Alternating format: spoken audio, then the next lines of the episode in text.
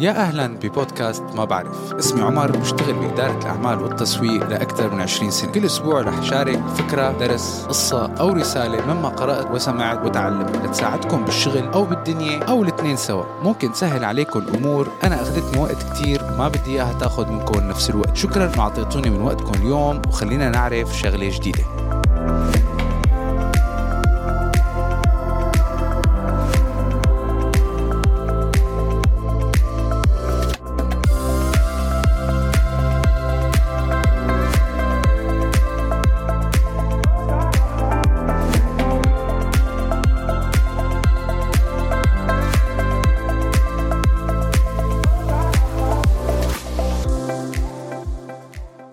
من هون لخمس سنين ممكن ما يكون في إلك شغل. ما رح نضخم الأمور بس ممكن يكون في هيك شيء بدك تعرف كيف؟ اسمعني بحلقة اليوم لأنه حنفوت بالتفاصيل اللي ممكن توضح الصورة أكثر اليوم الموضوع شائك شوي لأنه حنغطي إشكالية لسه ما واضحة لكتير ناس. حنحكي عن ال AI الذكاء الاصطناعي واحتمالية إنه يحل محل كتير موظفين في مختلف المجالات. واللي هذا سؤال كتير الناس عم تسأله. وسواء حبينا الموضوع أو لا بدنا نواجه الحقيقة. الذكاء الاصطناعي على الابواب حنحكي بالتحديد على ال ChatGPT والأتمتة اللي ممكن تجي معه في حال انتشر في كل القطاعات واللي فيه احتمال كبير إنه يأثر على شغلي وشغلك في المستقبل المتوسط والبعيد. صار لي فترة عم لاقي تطور هال ChatGPT وفكر إنه وين ممكن يأثر علينا وهل ممكن يكون تأثيره إيجابي أو سلبي؟ هل هالشي انوجد ليساعد أو ليخرب وكيف؟ حيأثر على سوق العمل. هذا البرنامج اللي بصراحة عم يعمل وعم يغير قوانين اللعبة على كل الأصعدة واللي أكيد أنت سمعت عنه إلا إذا كنت عايش بغير كوكب. هذا البرنامج اللي بكم كبسة زر بينتج لك محتوى قريبة جدا من المحتوى اللي ممكن أي شخص ينتجه من مقالات مواد أدبية معلومات بحثية وحتى آراء. واللي بتحمل احتمالية إنه يعمل ثورة في عالم المال والأعمال. قريبة من الثورة اللي صارت وقت الإنترنت دخلت كل منحى بحياتنا إذا مو أكبر. خلينا نعمل وقفة ونطلع على الواقع اللي كل الشركات عم بتواجهه بوقتنا الحالي بسبب الأزمات والتحديات الاقتصادية اللي العالم عم بيواجهها من 2008 لوقتنا الحالي. أكبر خطر الشركات بتواجهه هو التكاليف ومجالات الربحية واللي إجور العمال والموظفين بتلعب دور كتير كبير فيها.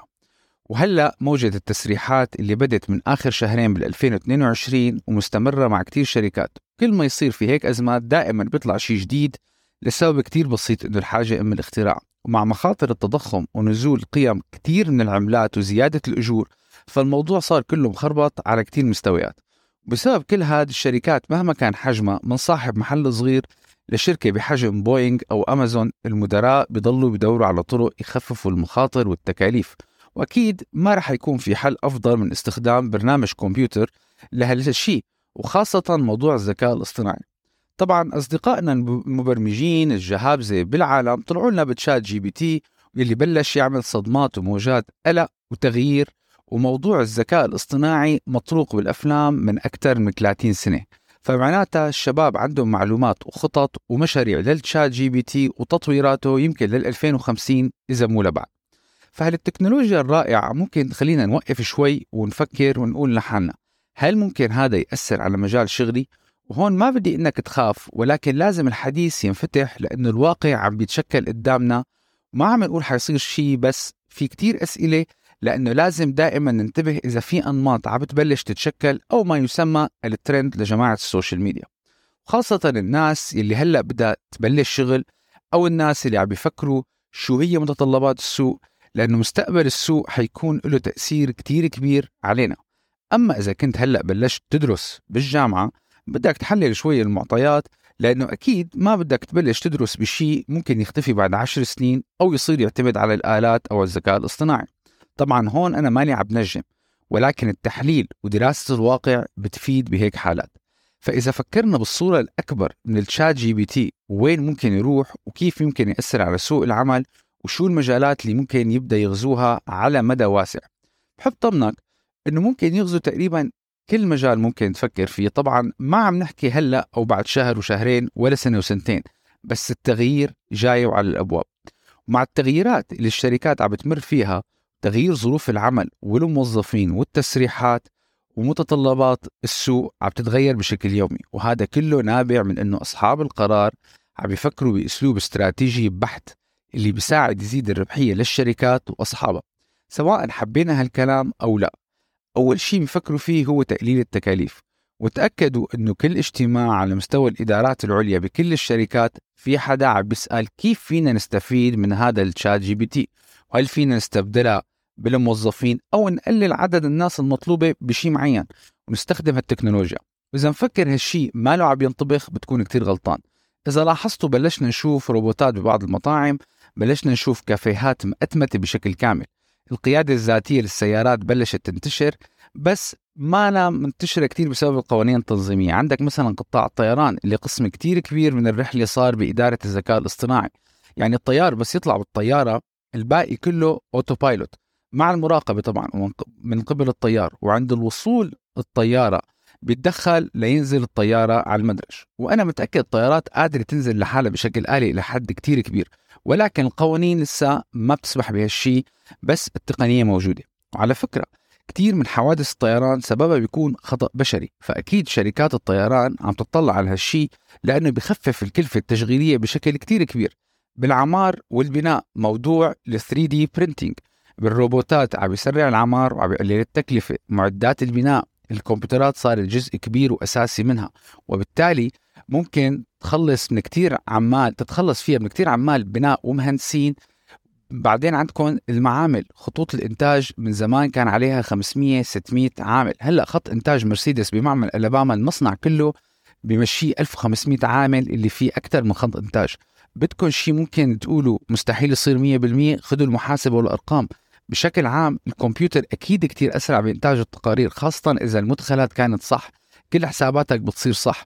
بدل ما يكون في عشرة عم يشتغلوا على التقارير الفصلية موظف واحد بيقدر يطلع التقارير كلها ونسبة الخطأ يمكن قريبة من الصفر. تجارة الأسهم هلأ بتشتغل على شيء اسمه ال high frequency trading. هذا مدار بالكمبيوترات بشكل كامل. العمليات الجراحية كثير منها صار بالروبوتات وصار بدك مهندس ليشغل أكثر من طبيب. فالمهنتين ممكن يصيروا مهنة جديدة.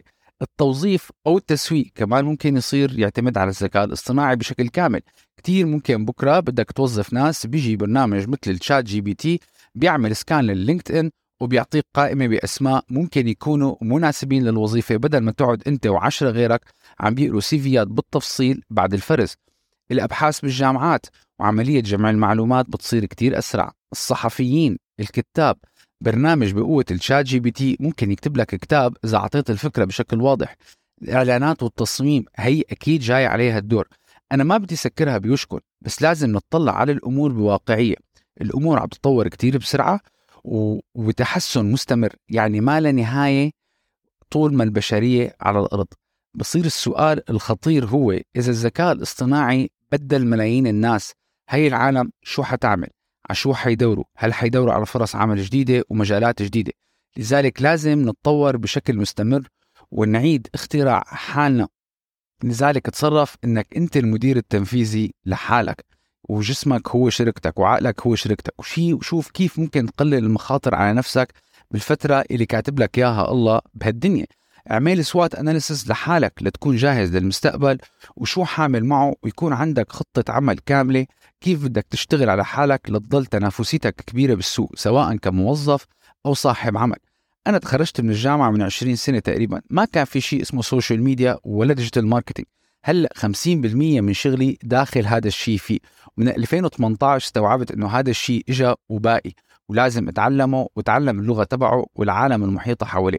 أكيد الأجيال الأصغر ضليعة بالموضوع أكثر مني يمكن بس مو معناتها أنا ما برفع تنافسيتي على طول. الخلاصة من الحديث إنه إياك توقف تتعلم بأي مجال أنت بدك إياه أو تشتغل فيه. خبروني إذا مجالك بتحس فيه ثغرات ممكن الذكاء الاصطناعي يغطيها. إن شاء الله تكونوا انبسطتوا بحلقة اليوم. حتى موعد الحلقة القادمة فيكم تسمعوا حلقات السابقة وكبسوا ال subscribe على أي منصة عم تسمعوا هالحلقة مشان توصلكم الحلقات أول بأول. وإذا حبيتوا المواضيع اتركوا review على المنصة واكتبوا لي شو حبيتوا أكثر شيء بحلقة اليوم. لا تنسوا تشاركوا الحلقة مع الأصحاب. وإذا بتحبوا تراسلوني على الإيميل أو على أي منصة من منصات التواصل الاجتماعي. هلأ صار الوقت لتكملوا يومكم. بتمنى لكم النجاح وبأمان الله.